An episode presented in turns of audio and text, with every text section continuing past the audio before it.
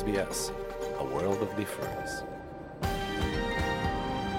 You are with SBS Mongolia on mobile, online and on radio. Та SBS Mongolian онлайн хөтөлбөртэй хамт байна. Сайн мэцхан уу монголчуудаа өөрийн их хэл дээр Австралийн тухай мэдээлэл авч Австралид амьдарч байгаа монголчуудынхаа ярилцлага тэдний түүхийг хуваалцах SBS радиогийн монгол хэл дээрх хөтөлбөрийн 8 дугаар сарын 10-нд зориулсан шин дугаар хүрэхэд бэлэн боллоо. Ингээд амьдарч байгаа нутаг уугуул иргэдэд хүндэтгэл үзүүлэн нэвтрүүлгээ эхлүүлцгээе. Бидний нэвтрүүлгээ түгээж буй энэхүү газар нутгийн уугуул эздэд талархал илэрхийлж байна. SBS Mongolian колон үндэсний Wurundjeri Woi Wurrung хүмүүс тэдний өнгөрсөн ба одоо үеийн эхэс дээдсүүдэд хүндэтгэл үзүүлж байна. Мөн та бүхний сонсон сууж буй газар нутгийн Абориген болон Торресын хоолын арлын бүхэл уугуул эздэд бид талархан хүндэтгэл үзүүлье.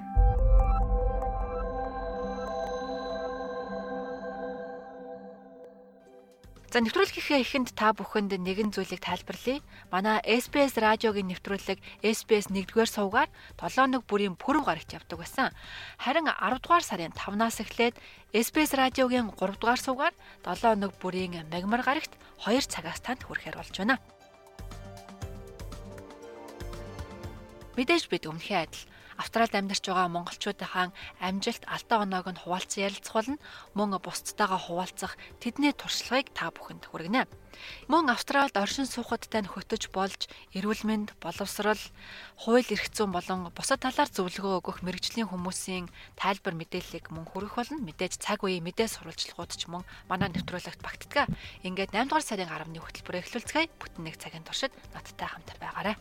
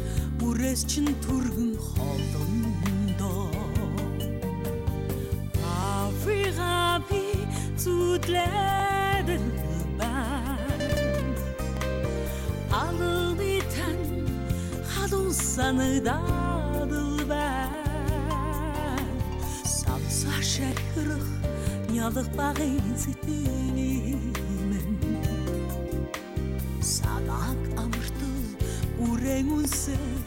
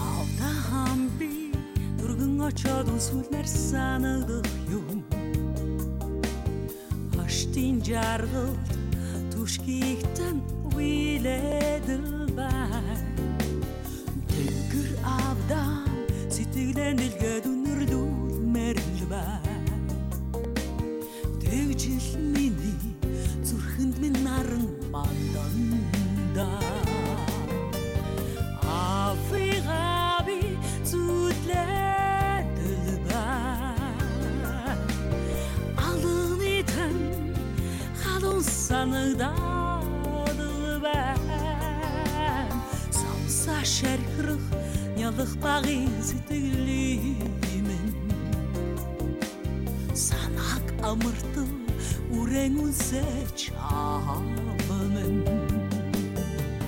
авига би зүдлэдэлба алны тэн халуун санагдадэлба самса шархрах нялах багын сэтгэлийн үрэн үнсэж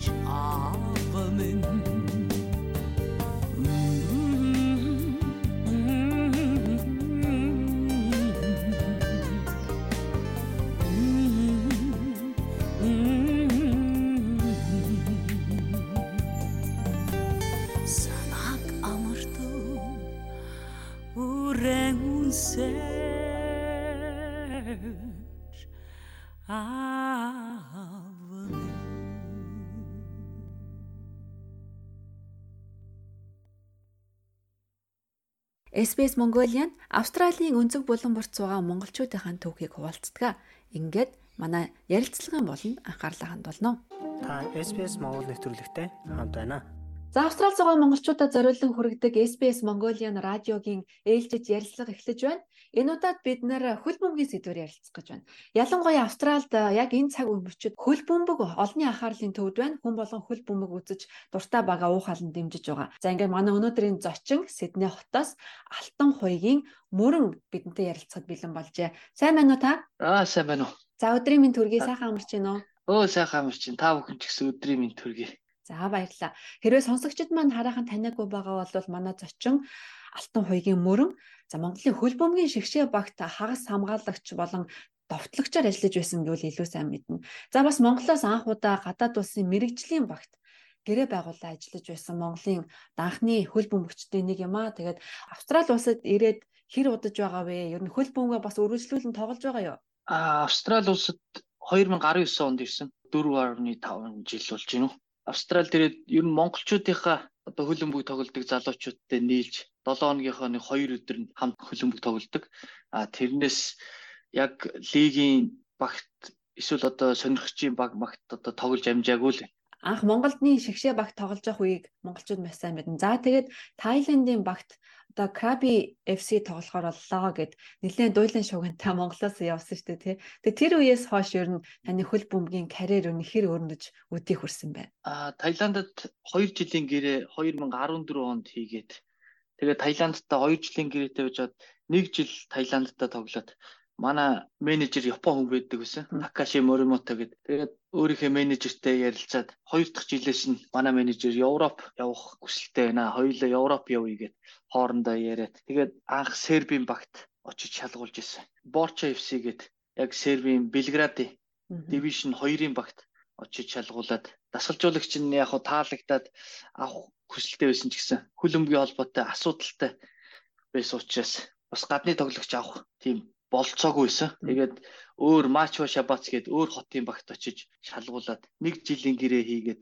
багтаага нэгдээд бэлтгэл хийгээд нэг сар болсон. Мачо Шабацт очиод. Би чинь үлрэлийн дунд дундуур ирсэн болохоор дараагийн үлрэлээс тоглоно гэд багтаага бэлтгэл хийгээд байжсэн чинь манай Мачо Шабац баг маань доод лиг рүү гоноод 3 дугаар дивизний баг гадаад тамирчин авах боломжгүй болохоор тэгээд Монгол руугаа буцсан. Тийм тэгээ Монголдо очиж үндэсний шгшээ багтаа болоо. Сэлэг Брис багтаа тоглож байгаад Улаанбаатар Сити багт сүулт тоглож байгаад гимтээд ер нь Австрали руу ирсэн. Ахиллесийн шүрмсээ тасаад тасалчаад ирсэн би.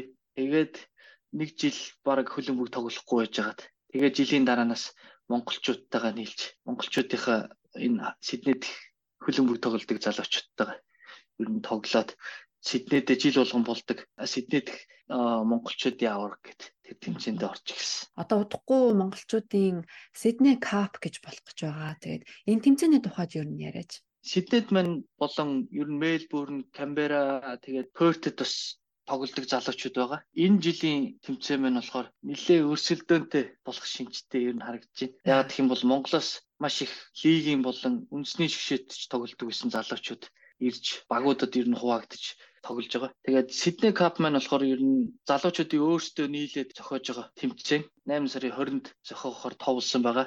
Нэг гой зүйл нь болохоор одоо монголчуудтайгаа ойрхон Улай Крик, Маскот, Canterbury гэдэг энэ дүүргүүдтэйгээ ер нь ойрхон Сиднейм дээр Fraser Park гэдэг газар яг хөлбөмбөгийн тийм жижиг стадиумд зохиож байгаа. Nice. Тэгвэл бас үзэгчтэй болох нь шүү дээ, тий? Харин тий. Энд ч ажиллаж байгаа залуучууд маань бүтэн сөөдөр гэр бүлтэйгээ ирээд нэг капын одоо Монгол залуучуудынхаа хөлбөмбөг тоглохыг дэмжиж, найз нөхдөд бас дэмжиж бас бид нар нөгөө хажуугаар нь хуушуур болон бууз тэр Монгол төргөн хоолоороо бас үйлчлэх талаар байгаа. Монголоос мэрэгжлийн тамирчид ирсэн гэж хин хин ирсэн бай бас сонирн байна. Дэрэн багийн хамгаалагч даваа дэлгэргээ залуу ирсэн. Тэг үндэсний шигшээ багт сүлд тоглож байгаад тэгээд Австралид ирсэн байгаа. Аа тэгээд Батмөнх гээд өмнө хасын хөлгүүд дээдлигийн багт тоглодог байсан. Бас манай найз байгаа. Наранбаатар гээд бас сүүлд Улаанбаатар Ситэд тоглож исэн манай 5 дугаар сургуулийн дүү байтал. Тэгээд ер нь 1-р лиг болон өмнө тоглож исэн тийм залуучууд зөндөө шинээр ирсэн байл. Тэгээ энэ залуучуудыгаа багуудаа хувааж аваад энэ тэмцээндээ гоё зохиохыг л бодож байна да. А ер нь Австралид бас хөдөлмөрт сонирхдаг манай монгол залуучууд нэлээд олон байдаг.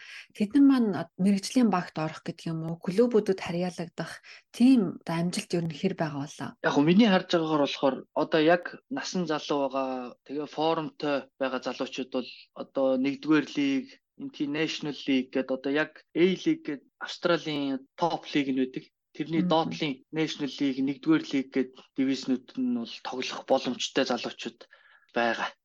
Ялчгүй нөгөө нэг энэ чи ирээд бүх одоо амьдралын одоо грэнд тэгэл хоол унд сургалтын төлбөр гээд энэ бүгдээ бас төлөх шаардлагатай болохоор ялчгүй ажил хийхээс өөр аргагүй. Тэгээд бас бэлтгэл сургуультаа хажуугаар нь хийнэхээр жоохон хүндрэлтэй. Яг 100% өөрийгөө зориулж ижил ер нь бас клубын мэрэгжлийн тамирчин болох байх л та тий. Тий. Таны хувьд одоо бас Австралид Монгол хүүхдүүдэд хөлбөмбөгийн хичээл зааж эхэлсэн гэж сонсч байсан. Хүүхдүүд маань ер нь хэр итгэвтэй байна. Хинаа монголчууд ер нь хөл бөмбөгөнд хэр авьяастай байдаг юм бэ? Монголчууд нөө нэг волейбол болон сагсанд ер нь их дуртай хөлбөмбөгийг бодвол харьцангуй нөгөө энэ хоёр спортоо бодох юм бол хөлбөмбөг дээр бол эцэг эхчүүд болон хүүхдүүд арай жоохон бага. Гэхдээ яг хуу одоо сая намайг явуулж эхэлснээс хойш хөлбөмбөг тоглодог өмнө клубуд тоглоогүй янз бүрийн одоо дугууланд яваагүй тийм хүүхдүүд ирж байна. Айгүй хөөрхөн эвсэлтэй. Тэгээд яг хуу яалчгүй энд нөгөө нэг хүүхдүүд нөгөө хамаагүй нээлттэй тэгээд ер нь жоохон задгаа. Би болохоор нөгөө нэг яг нөгөө нэг айгүй тийм хатуу нөгөө нэг диктатурнд яг хөлбөмбөг тоглож сурч исэн болохоор бас шин энэ хүүхдүүдийн сэтгэхүү тэгээд үзэж харж байгаа байга орчин өөр болохоор бас жоохон яг миний заа харах жоохон тохиромжгүй. Гэхдээ мэдээж нөгөө хөлбөмбөг чинь спорт чинь сахилга бат дээр явдаг болохоор аль аль талаар нь л хүүхдүүдийг яг хөлбөмбөгийн бэлтгэл дээрээ дугуулан дээрээ ирэхэд нь яг сахилга баттай бие биенийгаа хүндэтгсэн тэр тал руу л жоохон хандаж ажиллаж байна да. Хөлбөмбөгийн салбарт та энд сургалт явуулаад за сагсан дээр бол их баяр За одгийн ч бас хүүхдүүдэд сургалт явуулдаг юм байлээ те. Тэгээ сакс хөл бөмбөг бол яг монгол хүнээрээ заалгаж байгаа болохоор одоо бие бэлтрийн хувьд ч хэрэгтэй. За ирээдүйд ч бас хэрвээ энэ чиглэлээр явъя гэж байгаа хүмүүс бол бас азтай хэрэг юм а гэж би бодож харж байсан. Яг л мэрэгжлийн шигшээ багт ажиллаж байсан хүмүүсээр заалгана гэдэг бол ховор завшаа.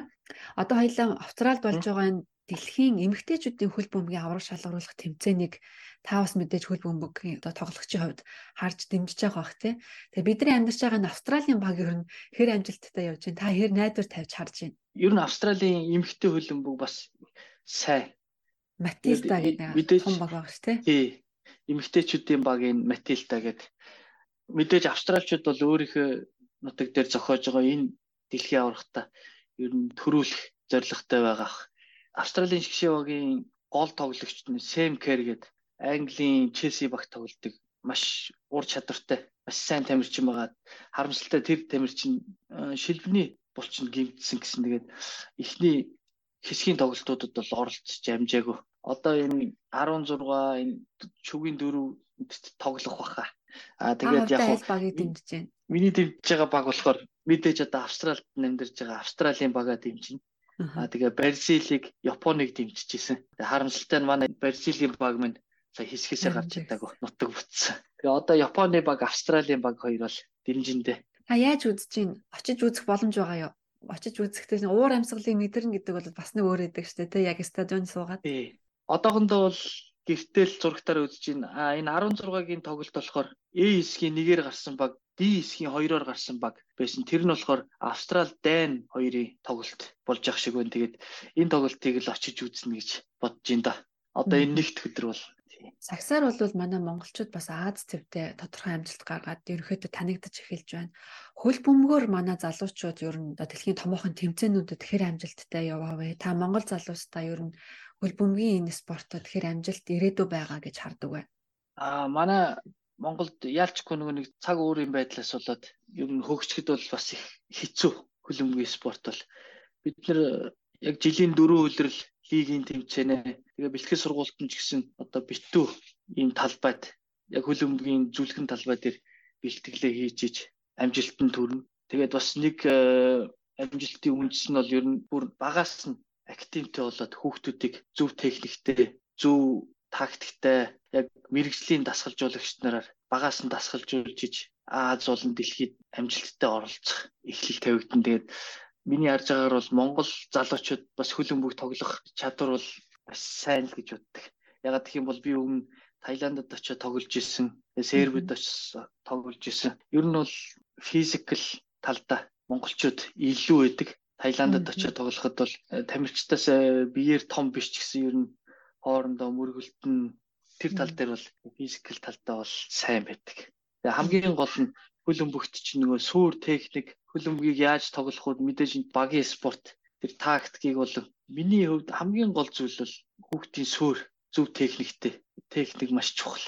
Одоо энэ Реал Мадрид одоо Европын клубүүд тэгээд энэ Австралийн Сидней FC энэ Мельбурн FC гэл одоо энэ бүгд хүүхдүүдийг дөрөв наснаас нь активд авдаг юм байлээ. Тэгээд бас Монгол хүүхдүүдэд ингээд Австрали хүүхдүүдтэй ингээ харьцуулаад ер нь харахад бол Австрали хүүхдүүд ер нь биеэ даасан талтай. Яг тэр хөл өмгийн бэлтгэл дээр бол яг дасгалжуулагчийн хэлснээр юу хийх үү, одоо хаашаа гүйх үү, хинлүү дамжуулах уу гэдэг тэр бүгдийг бол дасгалжуулагч болон өөрөө айгүй тийм сурыг гэсэн тийм мэрэлттэй а Монгол хүүхдүүдэд харахаар тэгтээ яг хуу миний дасгалжуулж байгаа хүүхдүүд болохоор өмнө ямар ч дугууланд яваагүй болохоор бас ирээл яг нэг одоо гадаа нөгөө утаснасаа салгаж байгаа зүгээр цаг нөхцөгч байгаа хүүхдүүд чиг ер нь бол харагддаг тийм. Тэгээд ер нь тэр тал дээрээ жоохон ялгаатай. Тийм болохоор хамгийн чухал нь мэрэгжлийн дасгалжуулагч нар дээр бүр нэлээд багаас нь спорт энэ хөлөмгийн спорт гэж юу вэ? Бэлтгэл сургуульд хийж юуны төлөө бэлтгэл хийж аваа гэдгийг маш сайн ойлгуулах хэрэгтэй гэж.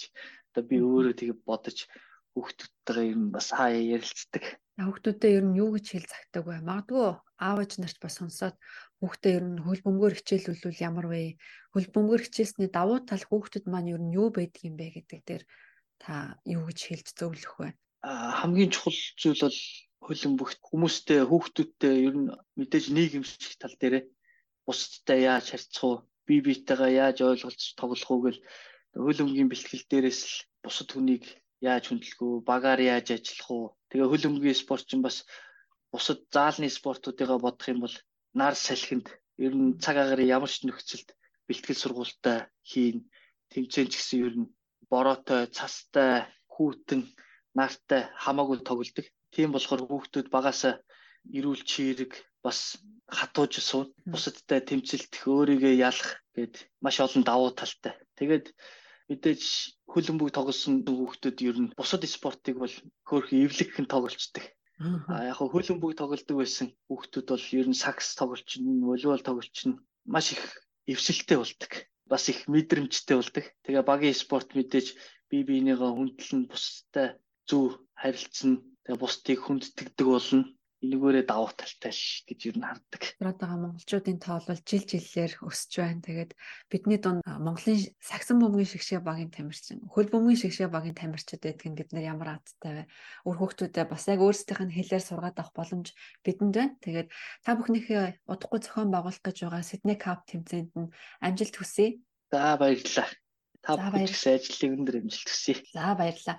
Тэгээд энэ ташимд бас сонсогчдод хэлэхэд бид нар Сагсан бөмбөгийн шигшээ багийн тамирчин их баяртай бас яг ийм ярилцлага хийж байсан. Түүний ярилцлагыг сонсох хүсвэл та бүхэн нэвтрүүлгийн тайлбар хэсэгт оруулсан линкээр орж сонсоорой. Тэгээд цаг зав гаргаж бидэнтэй ярилцсан мөрөнд маш их баярлалаа. Амжилт хүсье. За баярлалаа. Олон монгол хүүхдүүдийг хөл бөмбөх дуртай олгож ирээдүйн амжилтынхын замыг сайхан засч өгөөрэй гэж хэлмээр байна. За баярлалаа. Хичээнэ. За, за баярлалаа баяртай. За баяртай баярлалаа. SBS Монгол хэлээр бидний нэвтрүүлгийг Facebook сошиал хуудасаар бусдаа хуваалцаарай. Манай хөтөлбөртэй хамт байгаа танд баярлалаа. Ингээд хэсэг хугацааны завсралгын дараа эргээд уулзцаая. SBS Mongolian танд таалагдсан бол сошиал ертөнцид бидэнтэй холбогдож ярилцаарай. Та биднийг Facebook-ээс SBS Mongolian гэж хайгаад олох боломжтой. SBS Mongolian радио хөтөлбөртэй хамт байгаа танд баярлалаа. Одоо Австралид оршин суух хөтөч нэвтрүүлгийг хүлээн авч сонсцгоё. Та SBS Монгол нэвтрүүлэгтэй хамт байна. За Австрал зугаа монголчуудаа энэ өдрийн мэндийг хүргэе. Бид Австралд хэрхэн найзтай болох өөр соёлын хүмүүстэй нөхөрлөх нь танд хэрхэн нөлөөлдөг тухай ярилцах гэж байна. SBS Монгол хэлээр бидний нэвтрүүлгийг Facebook сошиал хуудасаар бусдаа хуваалцаарай. Шинэ улсад амьдрахаар ирсэн хүмүүс тулгардаг хамгийн том сорилтуудын нэг нь найз нөхдөдөө болох явдал юм. Бид ихэнхдээ эх орон нэгт ижил соёлтой хүмүүстэй танилцж нөхөрлөхөд илүү дөхөм амар байдаг. Гэхдээ энэ хүрээнээс гарч нийгмийн хүрээлэлээ тэлж байна гэд төсөөлөд үзтээ. Ялангуяа та олон соёлтой Австралид амьдарч байгаагийнх. Өөр соёлтой хүмүүстэй найзлах нь магадгүй таны ертөнцийн үзэх үзлийг өөрчилж бас харьяалагдах мэдрэмжийг тань дэвшлүүлнэ. Соёл хоорондын нөхөрлөл нь бидний нийтлэг талыг онцолж өгдөг гэж нөхөрлөл цагаачлалын мэрэгжилтэн доктор Harriet Westcott ярьсан юм а. Хүмүүс Австралид нүүж ирэхдээ өөрийн төрлөх холбоосоо хадгалж ирэх нь ойлгомжтой. Хүмүүсийн энд орж байгаа шалтгаан өөр өөр. Тэдний суурьшиж байгаа арга хэлбэр ч ялгаатай. Энд яагаад ирсэн түүхийг хүмүүсээс асууж ярилцах нь танд хэрэгтэй байж болох ч нөгөө талаас бас сэтгэлийнх нь эвгүй дурсамжийг хүндэж болзошгүй юм а. Sensitive about in friendship. RMIT-гийн олон нийтийн харилцааны мэрэгжилтэн профессор Кэтрин Гомес бидэнтэй адилхан сэтгэдэг хүмүүс бидэнд илүү дотор нь мэдрэмж төрүүлдэг. Гэхдээ энэ харилцаанд сул талууд ч байгаа гэж ярьж байна. The problem is that you're not expanding beyond this Асуудал нь та өөрийн хүрээллээс цааш тэлэхгүй байгаад учраа байгаа юм. Энэ хүрээлэл байгаа үед ялангуяа бид мэдээлэл хүлээж авахд бидний харах үнцэг яг ижил байдаг. Тэгэхээр таны зорьсон улстай амьдрах тухай мэдээлэл манай найзын мэддэг мэдээлэл миний мэддэг зүйл л байдаг. Та энэ гадаад улсад амьдрах учраа олоогүй байгаа учраас энэ нь нэлээд асуудалтай болно. Хэрв та хүнд нөхцөл байдалд орж тусламж хэрэгтэй бол яах вэ? Та яах ёстойгоо мэдхүү. Өөр бусад соёлтой танилцах, нийгэмших хамгийн чухал шалтгаануудын нэг бол мэдээлэл солилцох явдал юм а гэж профессор Гомес тайлбарласан юм. This is probably the best example. Whenever you ask someone Энэ үед ярих нэг жишээ байдаг. Та хэн нэгнээс яралтай тусламжийг ямар дугаараар дуудах вэ гэж асуувал хүн болгонд тархинд нь өөрийнх нь төрж уссан улсын дугаар л орж ирдэг. Жишээлбэл би Сингапураас ирсэн хүний хувьд миний толгойд автоматар 999 гэдэг дугаар орж ирнэ. Харин үүний оронд уг нь 000 буюу тэг тэг тэг гэж Австрал төрсэн хүмүүст орж ирнэ. Олон улсын оюутнууд найз нөхдөдөө болсноор соёлын зочрол багтай дасан цогцохтой илүү хурдан байдаг. Гэсэн хэдий ч олон хятад оюутнууд хятадын хүрээллээсээ гадуур найз нөхдөд болдоггүй гэдгээ профессор Гомес ярьдаг байна. Найзуудынх нь найзууд хүртэл хятад хүмүүс байдаг тул тэд энэ хүрээлэлдээ гацчихдаг гинэ. Тэд үргэлж тийм ээ би гадаад оюутны амьдралаа сэтгэл хангалуун байдаг гэж ярьдаг. Гэхдээ юунд хамгийн их харамсдаг вэ гэвэл энэ газрынхаа өөр улсын найз нөхдөдөө болоогүйдээ хамгийн их харамсаж байна гэж ярьдаг юм байна. Энэ бол тэдний нийтлэг гаргадаг зам бөгөөд энэ нь тэдний буруу гэдгийг ч бас ойлгодог. Учир нь тэд хүрээгээ тэлэх юм бол тэдний туршлага өөр байх болно. Гэхдээ шударгаар хэлэхэд олон цагаачтад ялангуяа төр амьдрах гэж ирсэн цагаачтад энтхийн хүмүүстэй найз нөхөр болоход амар биш ээ. to a lot of migrants, especially temporary migrants, it's actually really hard for them to make local friends. Эндхийн иргэдч бас шинээр ирсэн хүмүүс тулгардаг бэрхшээлийг ойлгож тэднийг найрсгаар ухтан авахын чухлыг мэддэг байх ёстой. Найрсаг байж хүмүүст итгэл төрүүлэх нь нөхөрлөлийг бий болгоход ихээхэн тусалдаг. Доктор Весткоттой дахин ярилцлаа. Нөхөрлөл бол сайн дурын харилцаа бөгөөд бид хүмүүстэй найзлахыг хүсдэгч магадгүй тэдэнд боломж байхгүй байж болно. Энэ нь зөвхөн биднээс хамаарахгүй тэр хүмүүс завгүй байгаатай холбоотой ч байж болно. Хэрэг би зүгээр л энэ нээлттэй сэтгэлгээгээ хадгалж үүнийг аялал гэж үзэх юм бол эцсийн зогсоол нь бид олон хүмүүстэй найзалж уулзах болно. Австралид төрж өссөн хүмүүс ч соёлын энэ хашаан дотор гацдаг. Орос гаралтай оюутан Макс Такаченко ийм бэрхшээлийг бодит байдал дээр ажиглажээ. in their formative years they form their own relationships. Өсч хөгжиж байгаа насандаа бид өөрсдийн харилцаагаа бий болгодгоо. Гэхдээ энэ нь амаргүй байдаг. Тэгэхээр та олон улсын оюутан эсвэл цагаачдын хувьд нийгмийн хүрээлэлд ороход хэцүү байна гэж байгаа бол би ийм сорилтыг тань ойлгож байна. Би ч бас үүнийг туулсан. Гэхдээ хин нэгний өөртөө тавьсан хязгаарлалтыг өөртөө шалтгаан болгож байгаа бол сайн зүйл биш ээ гэж би хэлмээр байна. is a very poor excuse for limiting yourself. Тэгвэл Такаченкогийн хувьд өөрийн соёлын хүрээллээс гарч өөр хүмүүстэй нөхөрлөхөд юу нөлөөсөн бэ? It really came down to curiosity and meaningful Энэ үнэхээр миний сониучсан бас утга учиртай харилцааг эрэлхийлсэнтэй маань холбоотой. Энийг чихрийн дэлгүүрт байгаа хүүхдтэй төсөөлүүлэн бодож үзье. Тэд хизээч нэг чихрийг авахыг хүсэхгүй. Бүгдийг нь амталж үзхийг хүснэ. Австралийн тухайд та нэг гудамжинд соёлын чихрийн дэлгүүрт байлаа гэж бодъё. Яагаад өөрийгөө хязгаарлах ёстой гэж зүгээр л гараад үзээрэй.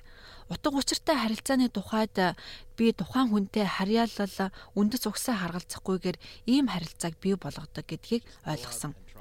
Хэрвээ та зөвхөн өөрийн соёлоор л өөрийгөө хязгаарлаж байвал бусад харилцаа ялангуяа утга учиртай харилцаа холбоог хязгаарлаж бүр хасч болзошгүй юм а. exclude some of the most meaningful relationships that you potentially could develop. Өөрийн гарал ижил үндэсний соёлоос өөр хүмүүстэй нөхөрлөх нь бидэнд харьяалагдах мэдрэмжийг илүү ихээр янз бүрээр мэдрүүлдэг гэж профессор Гомес ярьж байна. Жишээлбэл хэрвээ та австрали хүнтэй найзалдаг бол харьяалах мэдрэмж үнэндээ хамаагүй илүү байдаг. Хэрвээ та өөртөөгөө яг ижилхэн хүмүүстэй цагийг зугаатай өнгөрөж байгаа бол та одоо амьдарч байгаа газрынхаа хөрсөнд буугаагүй байна гэсэн үг. Энэ ийм л учиртай. whoever the scenery looks a bit different, that's about it. Соёл хоорондын нөхөрлөл бидэнд сэтгэн бодох юмсыг өөр арга барилаар хийхийг заадаг. Профессор Гомес Сингапурт төрсэн Евразийн хүн гэж өөрийгөө тодорхойлсон. Австралид ирээд өөрөөсөө өөр хүмүүстэй харилцах нь маш их үн цэнтэй байдгийг тэрээр ойлгожээ. Би үнэндээ хинтээ ч хамаагүй юм ярих гэж гэрээсээ гардаг байсан. Өөрийн эргэн тойрны хүмүүсээ таньж мэддэг байх нь чухал. Хэрвээ та цагаач бол өөр хүмүүстэй. За магадгүй те таны хуршүүд эсвэл хүнсний дэлгүүрт юм авахар очирлож байгаа хүмүүстэй ч танилцж, ярилцаж болно шүү дээ. Дараа нь хүмүүсийн янз бүрийн ялгааг ойлгож мэддэг болно. Та мөн тэр газараа илүү сайн мэддэг болно. Тиймээс өөрийнхөө аюулгүй тухтай орчинд байх тухай биш. Харин таны одоо нэг хэсэг нь болцоод байгаа. Энэ нийгмээ ойлгохын тулд гэрээсээ гарч хүмүүстэй ярилцаарай. The wider community that you have now become part of. Соёлын нэг хүрээлэл хагалахаас айдаг, хэцүү гэж зарим хүмүүс ярьдаг. Гэхдээ айдас таны нөхөрлөлд саад учруулахыг бүү зөвшөөр гэж зөвлөж байна. It's like what you fear is the things you're going to miss out on the other side of the fear. Таны айдас түүний нөгөө талд та юу алдах вэ гэсэн айдас байдаг. Та алхаж сурч байгаа хүүхдийг харсан уу? Алхаан гэдэг бидний хувьд сурахад хамгийн хэцүү чадваруудын нэг. Гэхдээ хөлд орж байгаа хүүхдүүд хизээж бууж өгдөггүй. Тэд хичээж дахин дахин оролдож байд сурдаг. Дараа нь бүр гүйдэг. Тиймээс бид айцаа даван туулж хөгжилтэй зүйл рүү ороорой гэж хэлмээр байна. Та зүгээр л орчноосоо гарч хошигнож мөсөө хаглах хэрэгтэй. Тэр хүн Австрал төрсэн эсэх. Эсвэл энд ирсэн нь хамаагүй. Бүгд австралчууд. Тиймээс зүгээр л барби дээр сам хорхоо цохиж шар аргаа онгоолгоод хөгжилтэй байгаарай. so just get out there, chuck a shrimp on the barbie, crack the beer open, have fun. SBS Монгол нэвтрүүлэг таны гар утас болон цахим хуудасд нийлдэхтэй байна.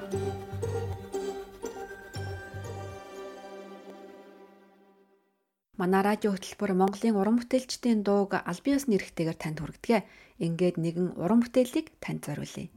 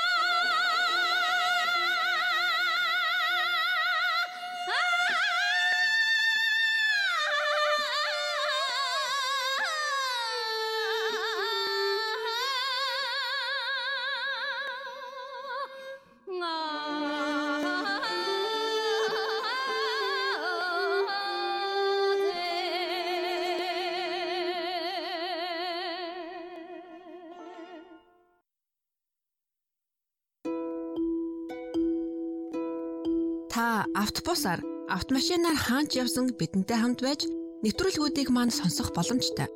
SBS радио аппликейшнийг үнгүй татаж аваад хүссэн газараа биднийг сонсоорой.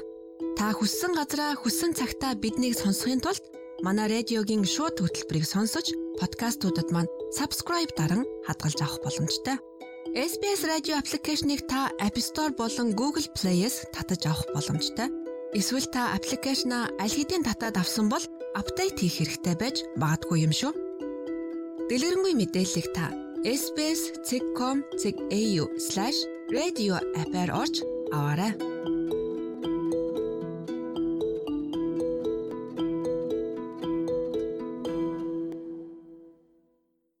SBS Mongolia хөтөлбөртэй хамт байгаа танд баярлалаа. Та SBS Монгол нэвтрүүлэгтэй хамт байна. Австралийн статистикийн хорооноос гаргасан ашин дата мэдээлэлээс харахад австралчууд амжиргааны өртөг нэмэгдэж байгаа энэ үед давхар ажил хийх нь нэмэгдсэн байна. Тэдний тооцоолсноор 947,300 австралчууд 3 дугаар сард нэмэлт ажил хийсэн нь өмнө нь гарч байгаагүй дээд хэмжээнд хүрчээ. За мэрэгжилтнүүдийн үзэж байгаагаар бараа бүтээгдэхүүний өртөг цалин зогсон байдалд орсон нь хүмүүсийг зайлшгүй шаардлагатай зүйлсээ худалдан авахын тулд олон ажил давхар хийхээс өөр аргагүй байдалд хүргэж байна гэж үзсэн байна. Тааж бун давхар ажил эрхлэж байна уу? Teacher Work хэмээх Австралийн хүрээлэнгийн бодлогын захирал Грег Жеричо ингэж олон давхар ажил хийх шаардлага хэд хэдэн хүчин зүйлээс шалтгаалж байна гэсэн юм а. Part-time болон casual ажлууд нэмэгдэж хийсэн зүйлийнхээ төлөө авч байгаа орлого нь харамсалтай нь амьдралын өртгийг үүсэхгүй байна. Амжиргааны өртөг нэмэгдэхийхээр маш олон хүн олон ажил хийх шаардлагатай болж байна. 13 сая гаруй австралчууд нэг ажил эрхэлдэг. Энэ нь нийт ажилчдын 6.6% нь олон ажлыг давхар хашиж байна гэсэн үг юм. Тэгвэл ковидын тахлаас өмнө давхар ажил хийдэг хүний эзлэх хувь 5-аас 6% байсан бол 2021 оны 12 дугаар сараас хойш энэ төвшин өссөөр байгаа юм а. Нэгэн жижиг бизнес эрхлэгч хоёр хүүхдийн ээж Рэйчел Бартоло бидэнтэй ярилцсан юм а. Тэрээр хүнсний бүтээгдэхүүн болон бусад хэрэгцээ зүйлсийн үн нэмэгдэж байгаа нь хэвийн амьдрахын тулд ур чадвараа дэвшлүүлэх нэмэлт ажил хийх шаардлагатай болсон хэмээн ярьсан юм а. Хүнсний бүтээгдэхүүний үн огцон өссөн бөгөөд таны мэдэж байгаа шиг бүх зүйл ердөө 20-30 центээр өсөөгүй байна. Манай хүнсний бүтээгдэхүүний төлбөр гэхэд нэг сарын дотор гэхэд 100-аас 150 доллараар илүү зарцуулах хэрэгтэй болж байна. Энэ арай л их байна. Ийхүү хамгийн сүүлийн үеийн статистикийн мэдээнээс харахад Австралид ажил эрхэлдэг өрхүүдийн жилийн амжиргааны зардал 9.6%-аар өссөн байна. Энэ нь 1999 оноос хойш энэ зардлыг тооцож эхэлснээс хойш хамгийн өндөр үзүүлэлт юм а. Хадагтай Бартула Нью Саут Уэльс мужийн өмнөд иргэний бүсийг Норва хотод дасгалын жим ажиллаулдаг юм байна. Ковидын тахал түүний энэ бизнесийн санхуд ихээхэн хүнд цохилт өгч, дээр нь сүүлийн үеийн инфляц түүнийг цаашид жимээ үргэлжлүүлэн ажиллах боломжгүй болгож бизнесээ зархаас өөр авчээ. Үннийг хэлэхэд энэ бүхэн намайг сүйтгэж байна. Би мөрөөдлөө үгүй болохыг харлаа. Би бүтээсэн бүх зүйлээ алдаж байна. Энэ нь худалдаа авагчдын сонирхох зах зээл биш. Учир нь хүмүүс энэ жимд мөнгө төлөх дургүй байна. Жим маань нээлттэй байсараа бөгөөд би энд мөрөөдлөө мөхөж байгааг үргэлжлүүлэн харсаар байна. Учир нь би амьдралынхаа 10 жилийг энд зориулсан. Миний хувьд фитнес, биеийн тамирын зал, бусад бүх зүйл миний үнэт зүйлс маань байдгийн. Би үнийг цаашид хийж чадахгүй нэ. Хадагта Бартоло өөрөө жимнийхээ зааланд бүтэн цагаар ажилладаг. Мөн саяхан тэрээр нийгмийн үйлчилгээний салбарт ажиллах диплом авсан бөгөөд давхар сайн дурын буйны ажилд бие оролцож байна.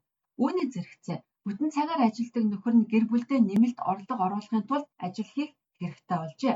Энэ нь өрхүүдэд үзүүлэх санхүүгийн дарамт мэдгэцгүйт нэмэгдэж ажилгүйдлийн түвшин улсдаяа бага байгаа гэсэн хоёр тоо мэдээлэлтэй таарч байгаа юм. Дата мэдээлэлээс харахад Австралид 7 дугаар сарын ажилгүйдлийн түвшин 3.5% таа байсан бөгөөд өнгөрсөн 12 дугаар сард 3.4% таа байсан нь 1970-ад оны дунд үеэс хойш хамгийн бага түвшин юм а. Future Work төвийн Greg Jericho хэлэхдээ Австралийн ажил эрхлэж байгаа иргэдийн тоог харахад тэнд нэг ойлгомжгүй зүйл байгааг ажиглажээ. Эдгээр ажил нь бүтэн цагаар ажилдаг уу, сайн, цалинтай юу, эсвэл муу юу гэдгийг бидэнд хэлж өгдөггүй. Дөнгөж сайхан гарсан гэж байгаа энэ давхар ажилд хийж байгаа мэдээллийн нэг сонирхолтой зүйл нь бүтэн цагаар ажилладаг хүмүүс ч өөр ажил хайж болох шаардлагатай байгааг харуулж байгаа юм. Тэгэхээр энэ зөвхөн 2 цагийн ажил эсвэл 3 цагийн ажил хийдэг хүмүүс биш юм. Бүтэн цагийн ажил хийж байгаа ч илүү цагаар ажиллах шаардлага хүмүүст үүсч байна гэсэн үг. Хадагта Бартоло хэлэхдээ түүний энэ санхүүгийн бэрхшээлтэй үеийн хамгийн хэцүү хэсэг нь түүний хоёр хүүхэдтэй ч мөн санхүүгийн байдал нөлөөлж байгааг харах нь хэцүү байна гэжээ. Энэ бяцхан тархинууд мөнгө төсөв тооцоог ойлгоход хэцүү. Том хүү маань ангиараа аяллаар явах өдөр нь удахгүй болно. Энэ аялал 2 өдрийн хэдэн зуун доллар болдог. Тэгээд тэр аав ээж хоёр нь мөнгөний боломжгүй байгааг мэдэж байгаа учраас би явахгүй гэж хэлсэн. Тэгээд би 10 настай хүүдээ ийм мэдрэмж төрүүлмээргүй байна. Тэр үүнээс болж ямар нэгэн зүйлээ золиослох ёстой гэж юу? Англи хэл сурах нь таны амьдралыг өөрчилнө. Та хэлээ сайжруулангаа Австралийн соёл, амьдралын хэв маягийн тухай SBS Learning English-с сураарай. Манай подкастыг хаач явсан сонсож болно. Learning English helps me to say that I am sorry. SBS acknowledges the traditional custodians of country and their connections and continuous care for the skies, lands, and waterways throughout Australia. Hi, my name is Josipa, and in today's episode, we are going to learn how to eat humble pie.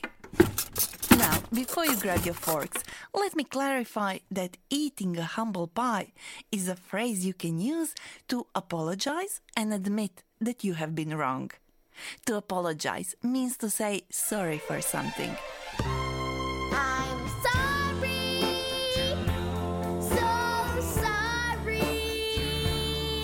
But first, we need to understand that the way we say we are sorry depends on the kind of thing we are apologizing for, the relationship we have with the people we are apologizing to, and the context in which we are apologizing.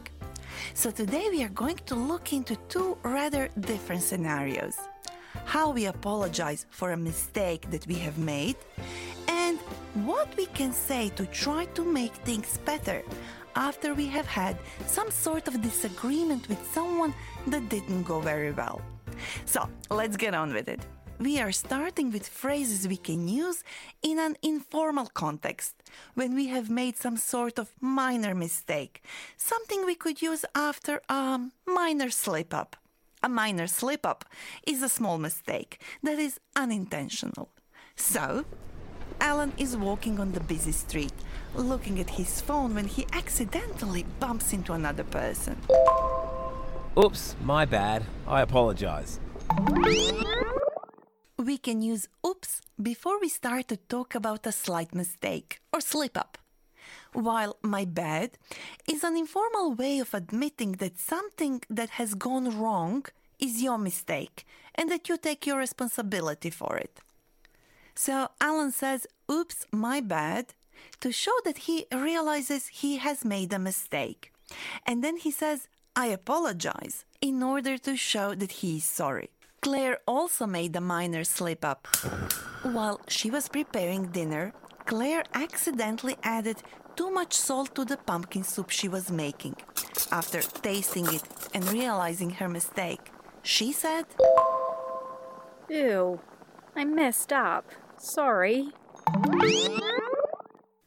To mess up something is an informal way of saying that we have made a mistake or done something wrong. It can be used in a lot of different situations. Let's see.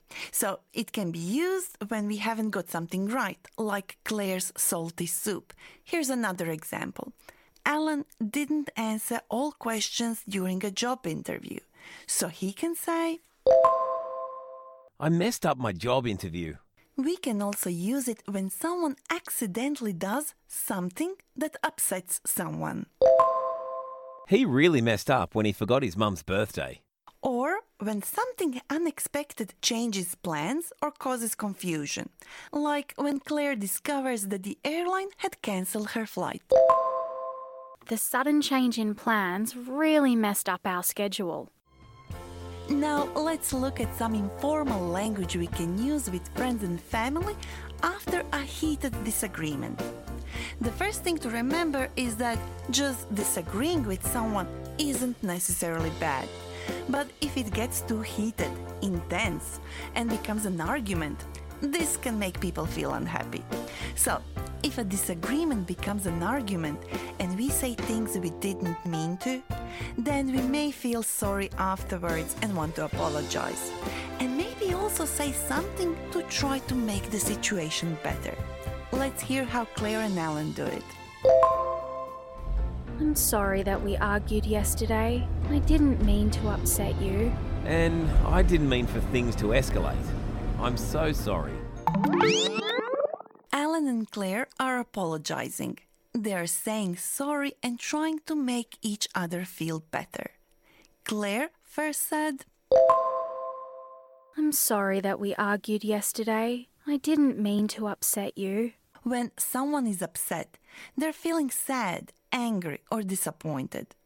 Whenever I need to apologize to someone, I'm always upset. But Claire did not mean to. She didn't deliberately try to upset Alan. It was accidental. And then Alan said, And I didn't mean for things to escalate. I'm so sorry. Similarly, Alan didn't want things to escalate. He didn't deliberately try to make the situation worse. I'm sorry.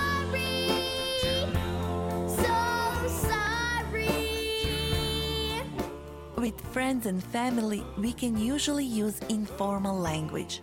But when we apologize to people we don't know very well, or to people in professional setting, we tend to be more formal.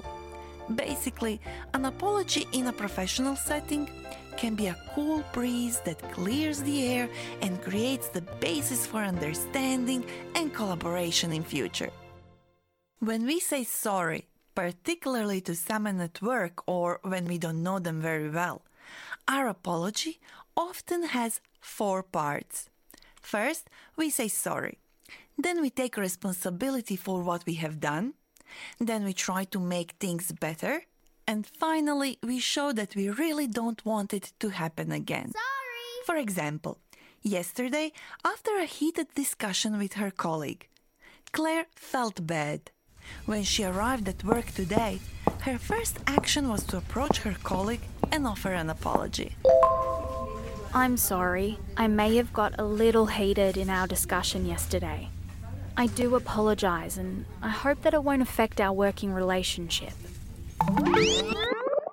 In this apology, Claire says she's sorry, acknowledges that she may have done something wrong.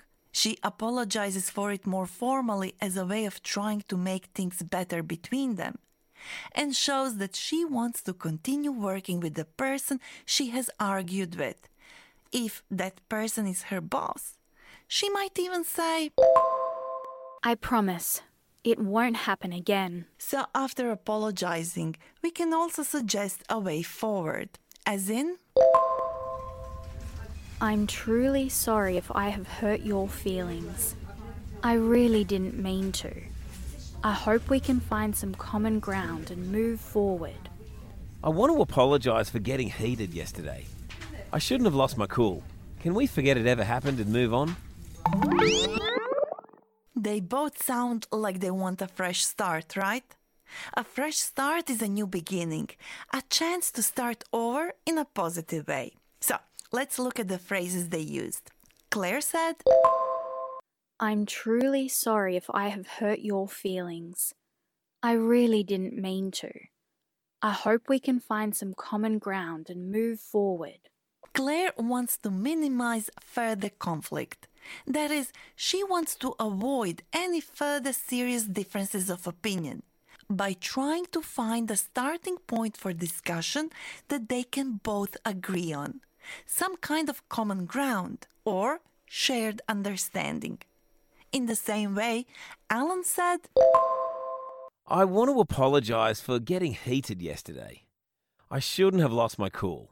Can we forget it ever happened and move on? When someone says that a situation or a conversation is getting heated, it means that emotions and the atmosphere is becoming more intense and passionate.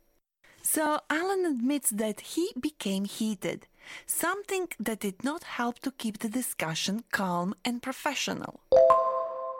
I shouldn't have lost my cool. I shouldn't have lost my cool is an expression you can use to acknowledge that you got too heated. I'm sorry. So sorry. Throughout this episode, Alan and Claire express their regret. Do you know what regret is? A regret is feeling of sadness, disappointment over something that has happened. It is a sense of wishing that a past action, decision, or event had been different or had not occurred at all. The word regret can also be used as a verb. And to regret something is to feel worry about something that you have done or that something has happened. Now, my plan was to introduce a guest, but I'm terribly sorry. I should have said something sooner, but I didn't invite anyone today. By the way, terribly sorry is an expression we use to show that we are very sorry and that we want to make things right. For example, I could say, I am terribly sorry for not inviting anyone. But wait, that doesn't mean we won't have an interesting chat with someone. After all, I work with people from all over the world in our newsroom at SBS Audio. And I am genuinely interested in exploring the differences in apology customs across cultures. So, let me just change my microphone. Okay, here we go. Okay, so now I just need to get out of my studio and go into the newsroom. Okay, so let me just reach them. Okay, so here I am in the newsroom. Let's see, who do we have here? Oh, I see Rajesh from Nepal and Yumi from Japan talking over there. Let me just reach them. Hi, guys. Can I ask you something? Yes, absolutely. I'm so interested in how do various cultures view the act of apologizing. In my culture, we are very direct and um, open about it. We try to take responsibility for our actions and kind of do something to make the relationship better. How about for you? For my culture, Japanese culture, I feel like we're apologizing all the time, constantly. Um, I'm not sure if you know sumimasen in Japanese. It actually can mean sorry, thank you, excuse me, but we use this a lot. So I feel like we're apologizing constantly, whether someone's opening a lift for you or picked up something for you. Yeah, we just feel like we have to say sorry all the time. So interesting. So you say you have the same word for sorry and thank you. Yeah, that's right. So a lot of people actually say, Why are you saying sorry for this? You know, it's not your fault, but it's just embedded in our culture. So, yeah. That's very cool. Rajesh, how about you? Look, uh, I'm from Nepal, and I'm not. Just to qualify, I'm not an anthropologist, so you know, whatever I say is just take this with a pinch of salt. But look, in Nepal, it's more about um, when you're apologizing. There's different context of apology, so it could be you know, apologizing to your elders or apologi- apologizing in a religious context, for example, because you've done something that God may not like, uh, and then you apologize, do certain things uh, in a religious way. But uh, uh, to your parents, for example, or elderly or teachers, um, for example, so when you apologize to them, you, even though sometimes you know you might be right, they might be wrong, you still apologize to them because you're showing respect to them. And there's uh, two sort of ways to apologize uh, in a sort of formal, non-formal setting. So when you're apologizing to the elderly, for example, you know, you do like namaste kind of thing. You put your two hands together and you bow your head a little bit and you apologize. And if you're sort of apologizing in a general sense, you know, mostly with young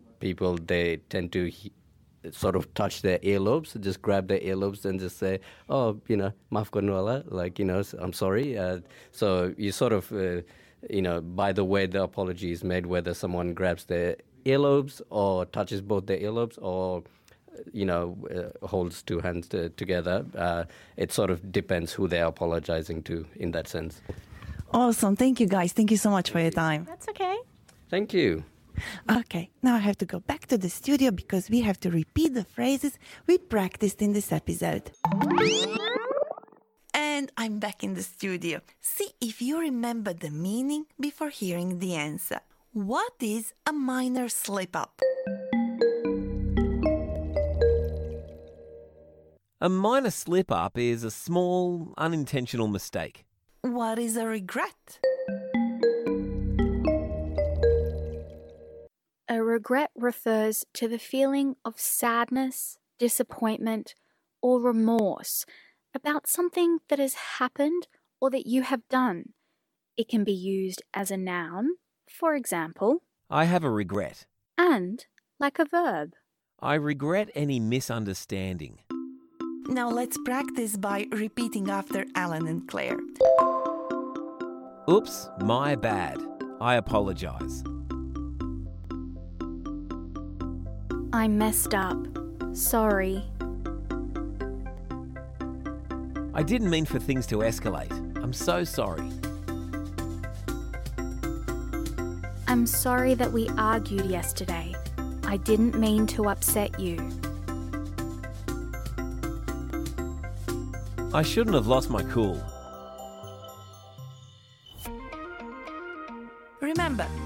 Many more phrases listed on our website. Just visit sbs.com.au slash learn English. We are also on Facebook. Why don't you reach out? Oops, my bad, you already did.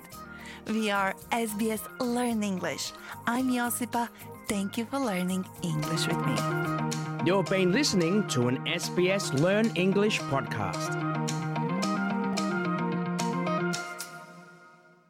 SBS радиогийн Монгол хэл дээрх хөтөлбөртэй хамт байсан танд баярлалаа. Ирэх 7 хоногийн пүрэв гарагт 2 цагт эргээд уулзцагаая. Түр баяртай.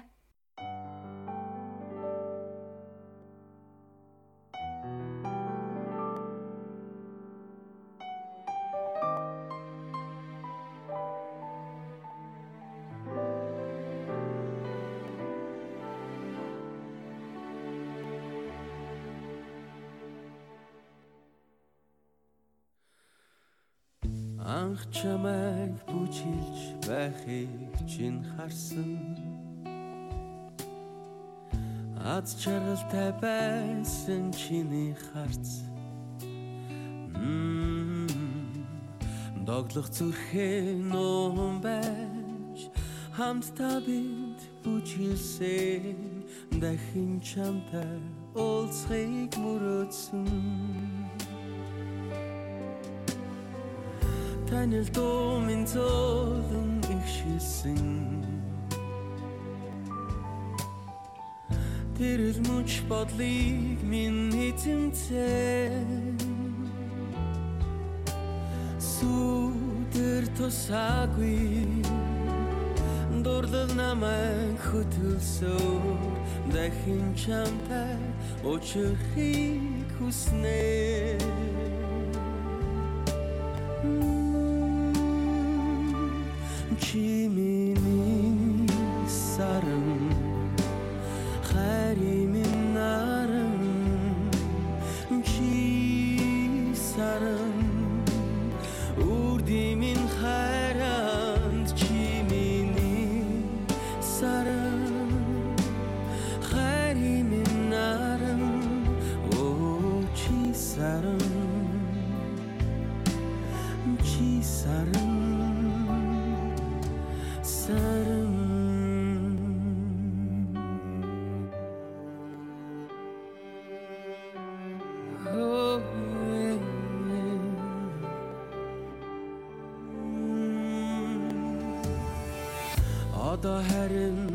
назар чамайг оллоо. Онцолж чи намайг сонжин ширтэн. Мм, Игэл биш харцаараа. Ирээдүй гөрсөн Эргэл чамда дахин дурлсан. Танил